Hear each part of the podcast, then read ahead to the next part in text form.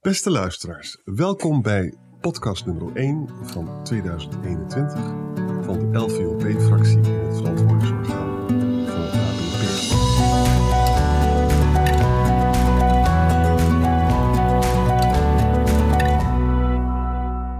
In deze podcast gaan we het hebben over governance bij het ABP. En we zullen inzoomen op een aantal mogelijke bestuursmodellen en onze opvattingen daarover. Ik, Arend Jan Boekenstein, zit in Doorn en Lida den Hartog, ook lid van de fractie van de LVP, zit in Den Haag. Lida den Hartog is werkzaam bij het ministerie van Landbouw, Natuur en Voedselkwaliteit. Zelf uh, ben ik verbonden als historicus aan de Universiteit Utrecht. Lida, welkom. Dankjewel. En mijn eerste vraag. Hè? Uh, het ABP-bestuur is bezig met de voorbereiding van een overstap naar een ander uh, bestuursmodel. Waarom speelt dat nu eigenlijk? Wat is er aan de hand? Ja, is er echt iets aan de hand? Dat is de vraag. Uh, het ABP-bestuur nu is wat we noemen een paritair bestuur. Um, waarin vertegenwoordigers vanuit werkgevers, werknemers en pensioengerechtigden zitten met een onafhankelijk voorzitter. En dat is een part-time bestuur. En uh, wat het bestuur doet, is eigenlijk continu kijken hoe vinden wij dat wij op dit moment functioneren. Loopt dat? Wat kan er beter? En dat heeft het bestuur nu een aantal keer gedaan. En eigenlijk in de afgelopen periode zijn ze tot de conclusie gekomen: um, wij vinden onze slagkracht onvoldoende. En het is in de huidige periode waarin we zitten, zeker ook met uh, de overgang straks naar een nieuw pensioencontract, volgens het bestuur wel heel belangrijk dat zo'n bestuur slagkrachtig is. Nou ja, daar kun je het natuurlijk alleen maar mee eens zijn. En waarom het bestuur op dit moment van mening is dat ze onvoldoende slagkracht hebben, is voor een deel uh, omdat het een bestuur is met parttimers. Um, omdat er een situatie is waarin er allerlei zaken gemandateerd zijn aan bestuurscommissies en het ondersteunende bestuursbureau. Waardoor er eigenlijk een heel onduidelijke situatie is ontstaan met uh, soms onduidelijkheden over wie nou precies waarvoor verantwoordelijk is, uh, processen die parallel gaan lopen, opdrachtgeverschap richting APG dat niet uh, altijd even helder belegd is. Dus het bestuur heeft gezegd, nou ja, eigenlijk um, wat wij nu hebben, dat paritaire model voldoet niet meer um, voor wat wij als bestuur willen kunnen bereiken. Ja, ja, en, dan, en wat, voor, wat voor voorstel doen ze dan? Wat, willen ze dan veranderen? Nou zij willen echt gaan overstappen naar een uh, compleet ander model. En daarbij kun je natuurlijk in eerste instantie afvragen, ja maar waarom dan? Want hè, je kunt constateren dat dingen niet helemaal lekker lopen. Maar kun je dan in je huidige model misschien niet betere afspraken maken in plaats van alles echt compleet overhoop te gaan gooien? Want we staan inderdaad voor de overgang naar een nieuw pensioencontract. En zo'n nieuw bestuursmodel, um, ja, dat vergt voor een deel nieuwe mensen, want je gaat dan over van parttimers naar fulltimers. Iedereen die weer in zijn rol moet komen, een situatie die zich moet zetten. En dat juist in een situatie waar het eigenlijk best wel spannend is. Dus ja, kun je dan niet uh, gewoon een beetje gaan zitten tweaken in je huidige model? Uh, nou ja, het bestuur meent dat ze binnen het huidige model onvoldoende verbeteringen uh, mogelijk kunnen maken. Ze laten zich daar ook extern op adviseren. Dus ja, het is echt een afweging van het bestuur om uh, nu te willen kiezen voor een ander model. Oké, okay, om nou dat, dat model uh, van uh, de ABP-bestuur te beoordelen, gaan we eerst maar eens even de, besta- de, de mogelijke bestuursmodellen in kaart brengen. Hè? En die gaan we behandelen. En daarna ga ik aan je vragen wat nou, nou eigenlijk het ABP wil en wat we daarvan vinden. Welke bestuursmodellen zijn er eigenlijk in pensioenland? Ja, hou je vast, dat zijn er vijf. Um, die ga ik even systematisch nalopen. Dus even een, een blokje theorie, maar dat, uh, dat kun jij en kunnen onze luisteraars wel hebben. Ja. Um, de eerste is het paritaire model. Dus wat het huidige bestuursmodel bij het ABP ook is. Dat is dus een bestuur dat gevormd wordt uh, door leden die worden voorgedragen door uh, organisaties van werkgevers, organisaties van werknemers en organisaties van pensioengerechtigden. En in zo'n model vindt het uh, toezicht plaats via een raad van toezicht. En is er een verantwoordingsorgaan. Dus dat is het clubje waar wij in zitten. En dat model hebben we nu? Ja, dat is het model wat we nu hebben. Oké. Okay. Aan eigenlijk een compleet andere kant van het spectrum staat het onafhankelijke model. En in dat model heb je, wat het al zegt, onafhankelijke externen die het bestuur vormen. Dus die niet gelieerd zijn aan die werkgevers, werknemers of pensioengerechtigden, maar echt onafhankelijke experts zijn. Ehm, in dit model vindt uh, toezicht plaats via een raad van toezicht. Maar in tegenstelling tot het paritaire model is er niet een verantwoordingsorgaan, maar een belanghebbenden orgaan. En de naam straalt het eigenlijk al uit. Dat is een wat steviger orgaan dan het verantwoordingsorgaan. Het heeft meer rechten, ook in de zin van instemmingsrechten. En dat is om dus de positie van die werkgevers, werknemers en gepensioneerden, die nu dan in dat model niet in het bestuur zitten, wel via zo'n belanghebbende orgaan te laten horen. Dus dit zijn een beetje beide kanten van het spectrum. En daartussenin heb je drie modellen die allemaal het woord gemengd in hun naam hebben. Dat is het paritair gemengd bestuur, het onafhankelijk gemengd bestuur en het omgekeerd gemengd bestuur. En ehm, wat kenmerkend is van deze drie types is dat er een onderscheid is tussen wat je noemt uitvoerend bestuurders en niet uitvoerend bestuurders. De ubbers en de nubbers, om lelijke afkortingen te gebruiken. En uh, die uitvoerend bestuurders in alle drie die modellen zijn uh, eigenlijk degene die het dagelijks bestuur vormen, op dagelijkse basis bezig zijn met het besturen van een pensioenfonds. En die niet uitvoerend bestuurders zijn degene die daar toezicht op houden, maar wel binnen het bestuur. En in het paritair gemengd bestuur, dus de eerste van die drie, heb je die uitvoerend bestuurders die paritair zijn, wat dus wil zeggen dat die voorgedragen worden vanuit werkgevers, werknemers, pensioengerechtigden. En de niet uitvoerend bestuurders die dan onafhankelijk zijn. En zij zijn ook degene die voor het toezicht zorgen. Dus er is geen sprake van een raad van toezicht. En in dit model heb je ook een verantwoordingsorgaan. Dan heb je het onafhankelijk gemengd. Heel even vol, volhouden, Arend Jan, nog twee te gaan. Je doet het heel helder. Je doet het heel helder. Onafhankelijk uh, gemengd. Dat zijn allemaal onafhankelijke externen. Dus zowel die uitvoerend bestuurders als die niet uitvoerend bestuurders. En uh, die onafhankelijke, niet uitvoerend bestuurders zijn dan verantwoordelijk voor het toezicht. En hier is net zoals in dat uh, niet gemengde, het gewone onafhankelijk model, sprake van een belanghebbende orgaan in plaats van een verantwoordingsorgaan. En geen RVT. En geen RVT. En dat geldt ook voor de laatste in het rijtje, het omgekeerd gemengd model. Dat is dus het omgekeerde van het paritair gemengde, waarbij je de uitvoerend bestuurders hebt die onafhankelijk zijn, die dus echt um, ja, externen zijn zonder band met of een verkiezing door die werkgevers, werknemers en pensioengerechtigden. De niet uitvoerend bestuurders die juist wel door die partijen voorgedragen worden, waarbij dus die niet uitvoerend bestuurders um, het toezicht houden. Dus ook hier weer geen raad van toezicht en weer een verantwoordingsorgaan. Oké. Okay. Nou, dan gaan we het even mee spelen om het uh, te uh, begrijpen. In, dat is misschien wel een goede vraag. In welk model is de positie van de sociale partners het sterkst? Hmm, nou ja, het sterkst. Um... Ja, ik zit heel even te twijfelen, want um, misschien wel in het paritaire model zoals dat nu is, omdat je daar het complete bestuur hebt vanuit werkgevers, werknemers en pensioengerechtigden. Tegelijkertijd, daar heb je wel weer een raad van toezicht die uh, onafhankelijk is. Ja, maar als die raad van toezicht zijn, zijn opdracht heel beperkt neemt en alleen maar procedureel kijkt, dan heb je in het, in het huidige belang, het paritaire uh, bestuursmodel, hè, hebben de sociale partners een grote stem in de pensioenkamer, een grote stem in het bestuur en een grote stem in het VO. En dan moet, en dan moet de RVT wel heel veel tegenwicht bieden. En in onze ervaring is dat de RVT nogal procedureel opereert. En niet echt nou zijn tanden laat zien, vind ik. Dus ik... Nee, ja goed. Je, ja. je mag natuurlijk van de Raad van Toezicht verwachten dat ze die tanden uh, wel laten zien.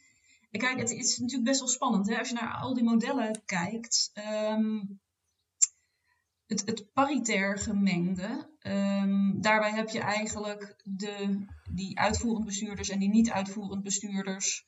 Waar die niet uitvoerende onafhankelijk zijn. En dat is eigenlijk een soort, ja, noem het maar, een, een, mini-toezichtsorgaan binnen het uh, bestuur. Um, kijk, ik moet zeggen, ik heb gewoon in het algemeen wat mijn, mijn twijfels um, bij die combinatie van die uitvoerend bestuurders en niet-uitvoerend bestuurders in één bestuur. Omdat, um, even huiselijk gezegd, het clubje vergadert wel heel veel samen. Ja. En als ze bijvoorbeeld op uh, bezoek komen bij het verantwoordingsorgaan, komen ze ook samen. Dus dan moet je als niet-uitvoerend bestuurder best wel heel stevig in je schoenen staan als jij continu um, eigenlijk met die uitvoerend bestuurders aan tafel zit. Dus die scheiding daar vind ik best wel een, een aandachtspunt. Ik ook. In, in het bedrijfsleven noemen we dat het one-tier model. Hè? Mm -hmm. En dan wordt ook vaak iemand uh, benoemd als niet-uitvoerend bestuurder die, daar, die daarvoor uitvoerend bestuurder is geweest. Ja, dan wordt het allemaal wel erg cozy, hè? Uh, en dan, is er, dan is het, kan de te tegenwicht heel zwak zijn. Het hoeft niet, maar dat kan wel. Ja. Ik ben het helemaal met je eens. Je zit constant met elkaar te praten. En, voor, en voordat je het weet, uh, hou je elkaar vast. Toch? Ja. ja. Ik ben het helemaal met je eens. In welk model is de positie van de sociale partners het sterkst? Dat is nog een lastige vraag. Hè? Dat, dat, dat, dat heb ik beantwoord. Dat, dat was natuurlijk eerder het bestaande model. Hè? In welk model is, het, is de sociale partners krijgen het meeste tegenwicht? Ik denk dat dat het onafhankelijke model is. Ja, dat is absoluut het, het onafhankelijk model. Want dan heb je een uh, compleet onafhankelijk bestuur en een raad van toezicht. En daarbij geldt natuurlijk wel, je hebt daar wel dat belanghebbende orgaan waar sociale partners echt een, uh, een rol vervullen. En uh, een rol met ietsje meer tanden dan in het geval van een verantwoordingsorgaan. En weet je wat ik eigenlijk niet zo goed begrijp, is dat sociale partners reageren als door een adder gebeten, door het idee van het onafhankelijk model. Dat willen ze absoluut niet. Hè? Ze willen trouwens überhaupt niet het bestaande model veranderen. Maar als je erover nadenkt, ze hebben nog steeds, ook in het onafhankelijk model, hebben ze dus mensen in de pensioenkamer zitten, wat een ongelooflijke macht geeft. Hè? Ze krijgen een, in plaats van een zwak VO, krijgen ze een sterk belangenorgaan. En ze hebben in, de, in, de, in het uh, belangenorgaan de meerderheid waarschijnlijk. Hè? Dus het is helemaal niet zo zwak nog. Het is helemaal niet zo dat de sociale partners dan zijn uitgespeeld, ook in het onafhankelijke model. Nee, dat is waar. Maar goed, um, uh, de mens heeft een vergelijking te kijken, uh, een neiging te kijken naar wat hij nu heeft versus wat hij straks krijgt. En in die zin wordt het minder. En ook als je kijkt hè, wat, wat er nu op tafel ligt bij het ABP als voorkeursmodel, dat is een omgekeerd gemengd model. Waarin dus de uitvoerend bestuurders onafhankelijk zijn en de niet-uitvoerend bestuurders door de sociale partners voorgedragen worden. Um, dat heeft de voorkeur van het bestuur, met name vanwege wat zij verworteling met sociale partners noemen. Het wordt dus ook door het huidige ABP-bestuur heel belangrijk gevonden dat die sociale partners een centrale rol hebben en houden in het bestuur. Ja, en met andere woorden, als je erover nadenkt, hè, van in het onafhankelijke model zouden de sociale partners ook iets meer afstand kunnen nemen van het gevoerde beleid als dat beleid desastreus uitpakt. Want ze hebben namelijk minder greep op het beleid. Ze kunnen zeggen, ja, dat ligt aan het nieuwe model. Dat we, we hebben dat niet kunnen bijsturen. Hè? Nou, daar houden wij in Nederland niet van. En daarom doen we alles, we polderen alles. En dat wil graag het eh, bestuur ook. Gewoon de sociale partners zijn heel belangrijk. Het staat ook in de wet. Maar dan zijn ze ook eigenaar van het proces. Ook met alle problemen die het ABP heeft. En dat is op de lange termijn ook niet een hele erg gerustgevende gedachte. Want het beleid is niet altijd even geweldig. Hoe denk je daarover na? Ja, dat vind ik eigenlijk een vraag die we aan de sociale partners zelf zouden moeten stellen. Ik vind het lastig daar voor hen te spreken. Kijk, zelf aan de knoppen zitten, uh, dan heb je de kans om gedurende het proces bij te sturen. En ja, dat maak je ook mede verantwoordelijk voor, mocht het minder goed dan gehoopt of verwacht uitpakken. Ja. Maar ja, dit, dit uh, zou een interessante vraag zijn om eens te verkennen met de sociale partners zelf. Ja, lijkt me ook. Oké, okay, we hebben nou die bestuursmodellen hebben we doorgenomen, heb je heel helder uh, uitgelegd. En nou, nog eens eventjes uh, goed te benadrukken. Welk model ligt er nu op, het, op de bestuurstafel bij de AUP? Dat is dus het onafhankelijk gemengd. Hè? Nee, het omgekeerd. Sorry, het omgekeerd gemengd. En dan haal ik het ook weer door elkaar. Waarbij je dus uh, VB, hè, je hebt dus vaste bestuurders en niet uitvoerende bestuurders en niet uitvoerende bestuurders. En de uitvoerende bestuurders zijn dus onafhankelijk en de niet uitvoerende bestuurders zijn paritair. Dat ligt dus nu op tafel. En er is geen RVT en het antwoordsorgaan blijft. Klopt. en het bestuur heeft, ze hebben zich laten adviseren en ze hebben echt wel uh, in, in redelijke diepgang nog weer een aantal modellen vergeleken. En de twee die dan boven kwamen drijven in een uiteindelijke vergelijking waren dat omgekeerd, uh, omgekeerd gemengd model en het onafhankelijk en het onafhankelijk model. Dus die lag ook nog wel op tafel. Maar juist vanwege het belang van die verworteling met sociale partners gaat de voorkeur uit van het huidige bestuur naar dat omgekeerd gemengd model. Ja, dat is het eh, verhaal. Oké, nou, wat vinden wij nou van dat omgekeerd gemengd model? Wat zijn onze zorgen hierover? Ja, misschien toch eerst nog even ten overvloede ehm, benadrukken. Als het aan ons zou liggen, zouden wij kiezen voor een onafhankelijk model. Ja. Uh, en ik denk dat daar wij daar twee hoofdredenen voor hebben. Eén, omdat je daarmee echt expertise in huis kunt halen. Onafhankelijke mensen die hun strepen hebben verdiend op de inhoud van de beleidsterreinen waar ze zich binnen zo'n bestuur mee bezig moeten gaan houden. Ja. En ja, ABP, het is gewoon het grootste pensioenfonds dat we hebben. Het gaat over honderden miljarden. Nou, liever dat daar maar mensen aan tafel zitten en aan de knoppen zitten die echt verstand van zaken hebben. En, en dat is natuurlijk uh, wel een belangrijk punt voor LVOP altijd. Het is wat ons betreft zo'n onafhankelijk bestuur de beste verzekering voor een echt evenwichtige belangenafweging. Omdat in onze visie sociale partners hebben een belangrijke rol maar vertegenwoordigen op dit moment niet alle groepen die binnen het ABP hun pensioen opbouwen of opgebouwd hebben. Ja, dat is natuurlijk belangrijk. En je zou nog kunnen zeggen van het bestaande model, hè, paritair bestuur met een RVT en VO, dat is ook mede verantwoordelijk voor alle fouten die in het verleden gemaakt zijn. We moeten nou niet denken dat het ABP nou altijd een geweldig beleid heeft gevoerd. En bijvoorbeeld het niet afdekken van het uh, rente, weet je wel, en, en gokken op een, uh, een renteverhoging, dat de rente alleen maar daalde. Als je een onafhankelijk model gehad zou hebben tien jaar geleden, misschien waren die fouten dan niet gemaakt. Hè? Dus ik vind ook de kwaliteit van het beleid en de moeizaamheid daarvan is ook een, is ook een argument om te kiezen voor dat onafhankelijke model. Waarbij je inderdaad dan ook garantie hebt dat uh, ook de niet-sociale partners het geluid daarvan uh, gehoord kan worden. Ja. ja, kijk, en achteraf, je kunt natuurlijk nooit vaststellen welke besluiten genomen zouden zijn als er een ander bestuur of een ander bestuursmodel zou hebben gezeten. Maar het geeft mij persoonlijk meer comfort ja. op het moment dat je daar de echte experts aan de knoppen hebt. Ja, dat lijkt me ook. Instituties uh, zijn toch belangrijke. Instituties geven prikkels af aan aan bestuurders. Hè? En de omgeving is natuurlijk toch belangrijk. Oké, nou dat hebben we uh, vastgesteld. Dan gaan we nog even terug naar dat omgekeerd gemengd model. Wat vinden wij daar nou? Wat, wat zijn onze zorgen daarover? Het lijkt heel er sterk op dat het uh, bestuur daarop inzet. Hè? Mm -hmm. uh, de, de, sociale partners zijn nog lang niet zover. Die, die zitten enorm op de rem. Wat zijn jouw zorgen bij dat omgekeerd gemengd model?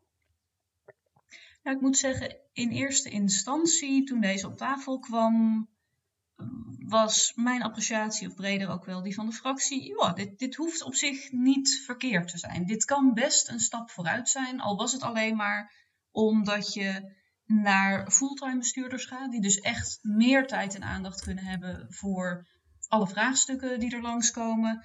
En omdat het toch kan leiden tot, tot wat helderder afspraken en, en structuren. Dus weet je, in eerste instantie, ook al hebben wij misschien een voorkeur voor het onafhankelijk model, omgekeerd gemengd, hoeft niet rampspoed te brengen. Dat gezegd hebbend, um, het bestuur neemt het verantwoordingsorgaan op dit moment netjes mee in alle afwegingen, alle onderbouwingen. En we krijgen stap voor stap meer te horen over hoe het er dan uit moet gaan zien. En naarmate we daar meer over te horen krijgen, um, moet ik zeggen dat de twijfels ook wel groeien. Um, te beginnen met de uitvoerend bestuurders, die in dit model onafhankelijk zijn. Um, op zich een hele goede zaak. Alleen eh, wat wij dan te horen krijgen, ja, nou ja, hè, die uitvoerend bestuurders, dat hoeven op zich helemaal niet echte experts te zijn. Het is vooral heel belangrijk dat ze voeling hebben met de materie en het speelveld waarin ze opereren. Ja, nou, dat stelt mij niet heel erg gerust, want ik zou juist van die uitvoerend bestuurders verwachten dat dat de slimme koppen zijn die echt met, met enige distantie en expertise kunnen gaan oordelen over wat er op tafel ligt. Dus nou, dat, dat geeft me echt al wel te denken. Ehm, dan heb je in dat omgekeerd gemengd model, je hebt die uitvoerend bestuurders, je hebt die niet uitvoerend bestuurders. En de verhouding tussen die twee groepen vind ik ook nog wel wat diffuus. Um, want wij spreken als verantwoordingsorgaan eens in de zoveel tijd met het bestuur. En nu lijkt het erop dat in dat nieuwe model wij, als we met het bestuur gaan praten, met het hele bestuur gaan praten. Dus zowel met die kant van de uitvoerend bestuurders als met de kant van de niet-uitvoerend bestuurders. En zoals wij nu af en toe uh, als verantwoordingsorgaan los spreken met uh, de Raad van Toezicht, zouden wij dan ook nog af en toe los gaan spreken met die niet-uitvoerend bestuurders. Ja, ik, ik kan mijn verstand er niet helemaal achter krijgen hoe we dan de ene week aan tafel kunnen zitten met het complete bestuur waar ook die niet uitvoerend bestuurders bij zitten. En dan dus eigenlijk ja, deel zijn van het geheel. En in mijn beleving ook een soort ja, medeplichtig is misschien niet helemaal een vriendelijk woord, maar toch een soort medeplichtig zijn aan het geheel wat het bestuur daar vertelt. En dat we dan bij wijze van spreken een week later met alleen die niet uitvoerend bestuurders om tafel zitten om het echt even lekker scherpe gesprek te gaan voeren over uh, hoe zij invulling geven aan hun toezichtsrol en wat ze daar allemaal in opvalt. Dat vind ik toch wat ingewikkeld. Je zegt dus eigenlijk twee dingen. Je zegt van, ja, in dat omgekeerd gemengd model is het uitvoerend bestuur zou dan dus echt onafhankelijk moeten zijn. Maar ja, wie bepaalt wat onafhankelijk is? Hè? Zijn dat dan, is daar een definitie van? Zijn dat misschien mensen die die heel lang gewerkt hebben bij een vakbond of bij een werkgeversorganisatie of wat dan ook. Hè? Dus dat, is natuurlijk nogal, dat maakt nogal uit. Het hele personeelsbeleid dat daar gevoerd wordt is heel belangrijk. En het tweede punt wat je zegt is, ik vind het toch heel verwarrend dat als je dus de ene, ene keer als VO eh, met het uh, uitvoerend bestuur en, en, dan met het niet uitvoerend bestuur, plus ook dat je soms samen met ze zit. Hè? Uh, en dat betekent dus dat, uh, dat, is, dat, is, het argument van ja, luister eens, als, als die elkaar de hand boven het hoofd gaan houden, het uitvoerend bestuur en de niet uitvoerend bestuur, dan heb je eigenlijk gewoon weer de oude situatie. Hè?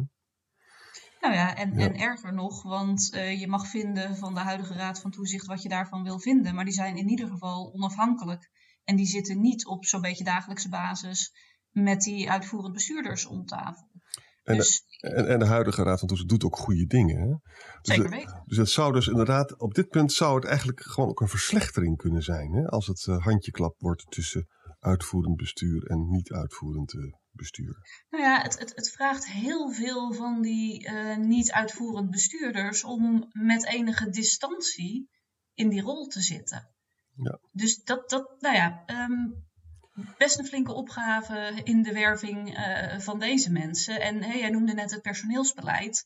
Daar heb ik toch ook nog wat aandachtspunten bij. Want als je kijkt hoe gaat het straks werken met uh, benoemingen. Het zijn die niet uitvoerend bestuurders, die worden voorgedragen vanuit sociale partners. En vervolgens gaan de niet uitvoerend bestuurders over uh, de benoeming van de uitvoerend bestuurders. Wat ja, goed, aan de andere kant ze vragen, wie zou het dan moeten doen? Maar het is ook al best wel interessant, vind ik zelf. Ja. En die niet uitvoerend bestuurders, die benoemen het auditcomité. En dat is weer een apart ding wat we nog niet benoemd hadden. Maar dat is een club die um, aan die auditkant van het geheel ook een soort toetsende toezichtrol heeft. Dus ja, wie is dan precies wie aan het benoemen? Plus daarbij, als ik nog een laatste element mag benoemen, die niet uitvoerend bestuurders, die worden dus voorgedragen door de sociale partners. En wie zijn dan de sociale partners?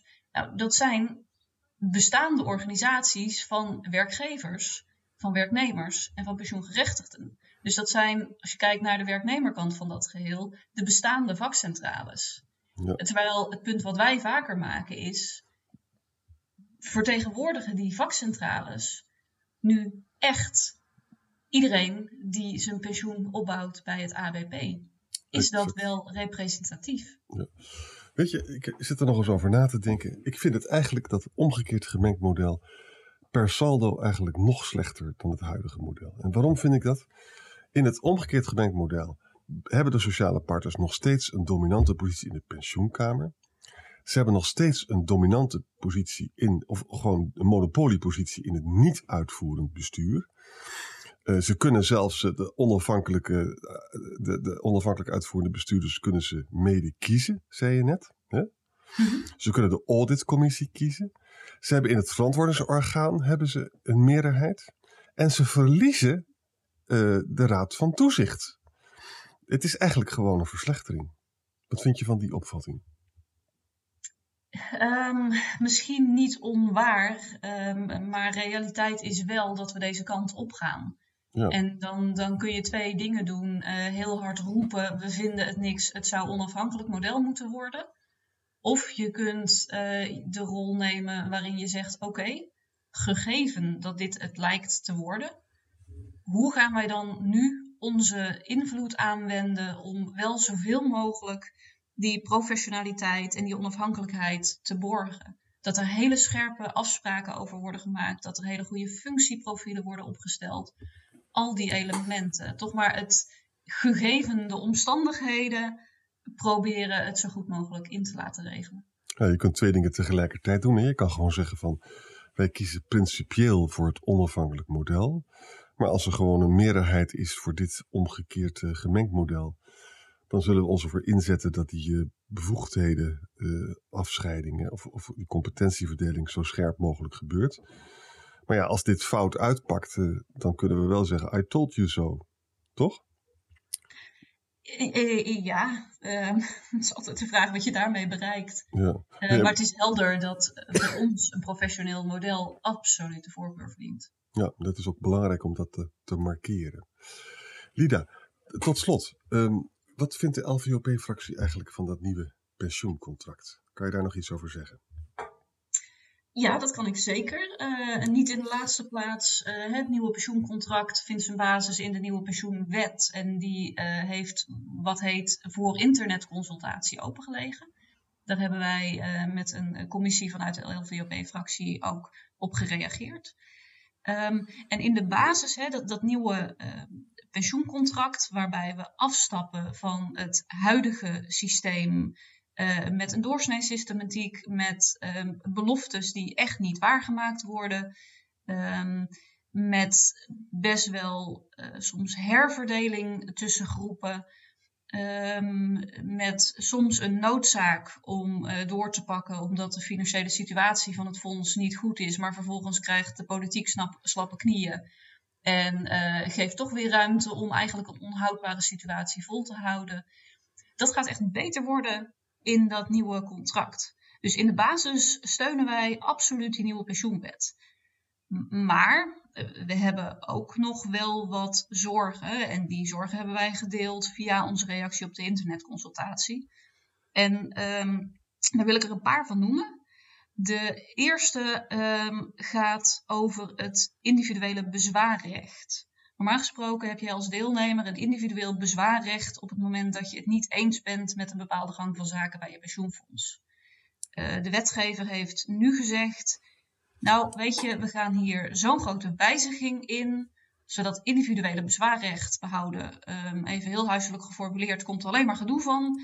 Ehm, er is collectieve vertegenwoordiging door al die sociale partners. Dat voldoet. En bovendien, als het nou echt nodig is, kun je als individu altijd nog naar de rechter. Dus individueel bezwaarrecht, doe voor deze specifieke overgang maar eens niet. Nou ja, sorry, maar het gaat dus echt nogal ergens over. Het gaat over het overhevelen van wat jij tot nu toe hebt opgebouwd naar een nieuw contract. Ja. Waarbij potentieel herverdeling plaats kan vinden. Dus als er nou één moment belangrijk is om als individu hier invloed op te kunnen uitoefenen, is het wel nu. En toch weer even herhalend, dat sociale partners iedereen vertegenwoordigen en dat daarmee dus die collectieve vertegenwoordiging voldoet. Nee. En ja, die gang naar de rechter, dat klinkt natuurlijk heel mooi. Maar vergelijk toeslagenaffaire. wie van ons heeft nou echt de mogelijkheid financieel en, en qua kennis en qua uithoudingsvermogen om naar de rechter te stappen. Dus dit vinden wij echt een zwak punt. Um, waar we ons ook zorgen over maken, is de manier um, waarop de belangen van slapers en voor een deel ook die van gepensioneerden geborgd worden op het punt van inspraak. En slapers, even eh, ter herinnering, zijn degenen die wel um, pensioenopbouw hebben bij het ABP in dit geval, maar die inmiddels niet meer in dienst zijn in een ABP-sector. Dus die hebben nog ergens een potje staan, zijn dus in die zin zeker belanghebbend, maar zijn op dit moment niet meer actief. En wat de wetgever eigenlijk zegt is, ja, nou als die slapers een, uh, in, hun invloed willen uitoefenen, dan moeten ze maar een soort vereniging van slapers gaan oprichten. Nou, dat op zichzelf is echt al bijzonder ingewikkeld. En vervolgens mag die vereniging van slapers zich dan melden bij de sociale partners om via de sociale partners invloed te kunnen uitoefenen op uh, die overgang naar dat nieuwe contract. Nou, dat, dat lijkt mij praktisch niet haalbaar en ook principieel echt niet het voldoende behartigen, uh, mogelijk maken van het behartigen van de belangen van die slapers. Dus dat vinden wij echt onevenwichtig. Derde punt, en ik noem er in totaal vier, is um, in een eerder wetsvoorstel over pensioenfondsbestuur uh, heeft de Raad van State geadviseerd dat eigenlijk uh, wat heet uh, de zeggenschap van de risicodragers versterkt zou moeten worden. En risicodragers, dat zijn wij onder andere, de mensen die pensioen opbouwen of opgebouwd hebben. Um, die versterking van de zeggenschap zit helemaal niet in dit wetsvoorstel. Dit wetsvoorstel hangt echt in belangrijke mate op een soort geloof in de sociale partners dat wij niet delen. En bovendien, hè, als je kijkt naar de risicodragers, in het huidige contract zijn werkgevers ook zeker risicodrager. Want het is zo dat uh, nou, de pensioenpremie wordt opgebracht door de werkgevers. Er gaat nogal ergens over. En als die pensioenpremie verandert, kan dat echt heel flinke gevolgen hebben voor zo'n werkgever. Ja. Maar onder het nieuwe contract is het de bedoeling dat die premie eigenlijk vastgeprikt wordt. Dus zijn die werkgevers helemaal niet meer in zo'n grote mate risicodrager. Maar verandert er vervolgens iets in de positie van uh, de werkgevers? Nee, dat, dat doet dat wetsvoorstel niet. Terwijl je je best af zou kunnen vragen: moeten die bestuurders of moeten die werkgevers eigenlijk wel een rol in het bestuur blijven houden? Dus ook dat vinden wij een, een punt waar het wetsvoorstel aanpassing zou behoeven. Ja. De laatste is een meer financieel punt. Um, kijk, in het nieuwe pensioencontract gaan de pensioenen meer meebewegen met uh, de economie dan wel met de, de beleggingsresultaten. Dus als het goed gaat, gaat het sneller omhoog. En als het slecht gaat, gaat het sneller omlaag. Um, wat er nu in dat wetsvoorstel staat, is eigenlijk dat vooruitlopend op de overgang naar het nieuwe contract, het prima is zolang de dekkingsgraad uh, maar boven de 90% blijft en uiteindelijk richting de 95 gaat. Ja, 95% is onderdekking, ja. hoe je het ook wendt of keert.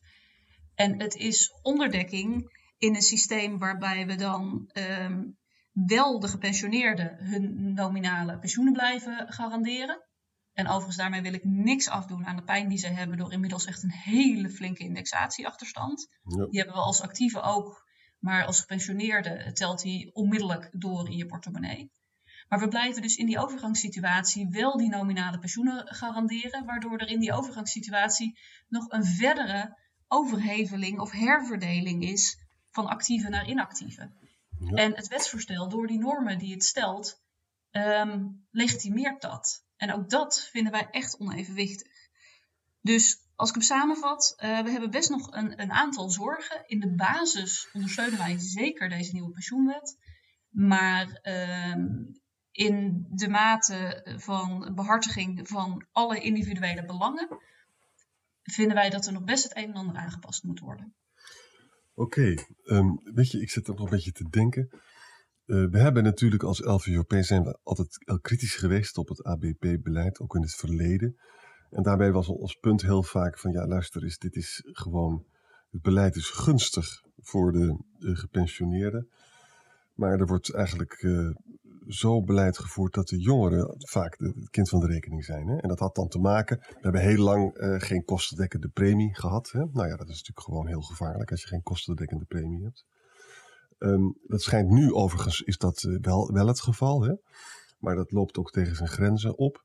Nou, we hebben dus gegokt op een, uh, op een rentestijging. Uh, nou, dat, die kwam er helemaal niet, dat was een rentedaling. We hebben de rente niet afgedekt. Die dingen hebben dus ongelooflijk veel geld gekost. En die gingen natuurlijk ten koste van die grote pensioenpot. En, en dat betekent dus dat als je de gepensioneerden niet kort, dan gaat dat onvermijdelijk ten koste van mensen die in de toekomst met pensioen gaan. Nou, daar komt dan nu het argument van jou bij van uh, ja, we gaan die 90% dekkingsgraad, dat gaan we dan allemaal weer prima vinden. Hè?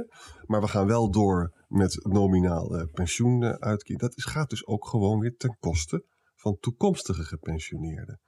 En ik weet wel, dat is natuurlijk vreselijk om pensioenen te korten. En ik weet ook dat de indexatie heel veel ellende geeft. Maar de jongeren hebben een nog veel slechtere positie. Als je dit allemaal tot je door laat dringen.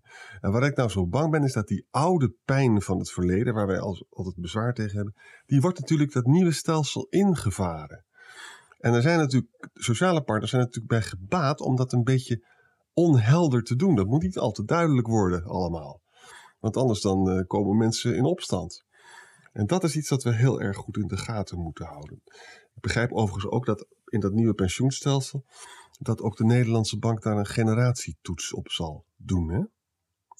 Klopt. En om je op één puntje even te corrigeren, uh, je noemde het uh, korten van de pensioenen van gepensioneerden. Het zou dan gaan over het korten van ieders pensioen. Ja, natuurlijk. Hetgeen wat wij aan het opbouwen ja. zijn. Ja, maar dat zou, dat zou dus eerlijker zijn en dat doen we niet. En, en dat, dat, ik, eigenlijk vind ik het treurig, Lida, dat de LVP, LVP eigenlijk de enige is die dit punt steeds weer naar voren maakt. En de andere die, die praten daar niet over. Die doen eigenlijk, ze willen er ook niet over praten. Ze ontkennen het ook. Hè? En ze beginnen dan te praten met allemaal merkwaardige verhalen over de rekenrente waar niets van klopt. Dan zeggen ze gewoon van er zit ontzettend veel geld in en we kunnen het allemaal verhogen. Dat is allemaal niet waar. Dus ik vind toch wel dat uh, we nog veel uh, werk te doen hebben. We hebben gewoon een systeem met elkaar gebouwd. Dat, en dat kan, waar sociale partners domineren. En jongeren interesseren zich gewoon niet zo voor hun pensioen. En die, uh, dus nee, de, maar ook als ja. je kijkt, hè, want je hebt uiteindelijk in het huidige pensioenstelsel heb je een paar knoppen om aan te draaien op het moment dat het niet goed gaat. Dat is deels het niet indexeren. Nou, dat is nu echt al heel veel jaar het geval. Dus die, die cumulatieve indexatieachterstand is volgens mij nu zo'n beetje tegen de 20%. Dat is echt heel fors. Ja. Maar je hebt ook de knop van de opgebouwde rechten die je zou kunnen korten. Ja. En je hebt de knop van de ambitie. Wat zeggen we eigenlijk toe? Wat is onze ambitie om op te gaan bouwen? En de hele tijd kijken we alleen maar naar die ene knop van de indexatie. Ja. En blijven die twee andere knoppen onbesproken. Ook is mijn inschatting dat we dat politiek allemaal hartstikke spannend vinden. Exact. Ook nu weer um, biedt de minister van Sociale Zaken vast met allerlei hele goede intenties maar de mogelijkheid om, ook al zit je al tien jaar onder alle grenzen. Nee, het, het mag wel twaalf jaar zijn. Je moet niet tien jaar terug naar een beetje acceptabel niveau, maar het mag wel twaalf jaar zijn, want anders zou het dit jaar zo pijn gaan. En het probleem van dat beleid is, het is dus na ons de zondvloed. En ook als je die ambitie niet bijstelt, dan heb je dus in de toekomst te maken met een kladderadatsch. Mensen die worden ontzettend kwaad daarover. Hè? Als je, als je net doet alsof er, alsof er niks aan de hand is en we zitten op een Titanic met z'n allen, dan moet je niet verbazen dat mensen straks kwaad worden. En dat vind ik toch wel een. Het, natuurlijk heel merkwaardig dat je, dat je die ambitie volhoudt. Van, sommige fracties zeggen zelfs we moeten weer gaan indexeren. En dat kan ook, zeggen ze dan. Nou, dat verwacht ik, is, is de verwachtingenmanagement vanuit het jaar nul en gebaseerd op drijfzand. Vind je niet? Ja, eens. En daarom is wat jij net noemde, die uh, generatie-evenwichtigheidstoets die DNB gaat doen, echt heel belangrijk. Want in die overgang naar dat nieuwe contract, um, daar kun je, omdat het allemaal zo razend ingewikkeld is, um, bedoeld of onbedoeld allerlei herverdeling gaan laten optreden. En daarom ben ik heel blij dat wij een onafhankelijk instituut zoals de Nederlandse Bank hebben. Dat er echt heel goed naar gaat kijken of dat nou zuiver gebeurt. En wij vragen ook steeds aan het uh, bestuur wat nou de generationele gevolgen zijn, dat, of die cijfers dan loskomen. En dat gebeurt maar niet. Hè? Nee, ja, kijk, daar wil ik in zoverre het, het bestuur nog wel een klein beetje um, verdedigen. Dat het dan de vraag is, waar leg je de afbakening? Uh, want kijk je naar hoeveel jaar ga, gaat het puur over nu de opbouw en uh, niet korten, niet indexeren en hoe pakt dat uit? Maar kijk je ook naar hoeveel uh, jaar hebben, moeten, hebben mensen moeten werken om te komen tot hun opbouw? Hebben ze gebruik kunnen maken uh, van VUT, het hele VPL-gebeuren, waar jij en ik nu ook nog tot en met volgend jaar aan meebetalen. En er nooit gebruik van kunnen maken, want dan is de regeling klaar. Waar leg je die afbakening? En dat is natuurlijk wel een hele ingewikkelde vraag, want je kunt de hele wereld erbij slepen en de hele wereld is heel relevant.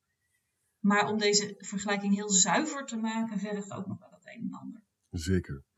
Nou, we moeten maar tot een afsluiting uh, komen.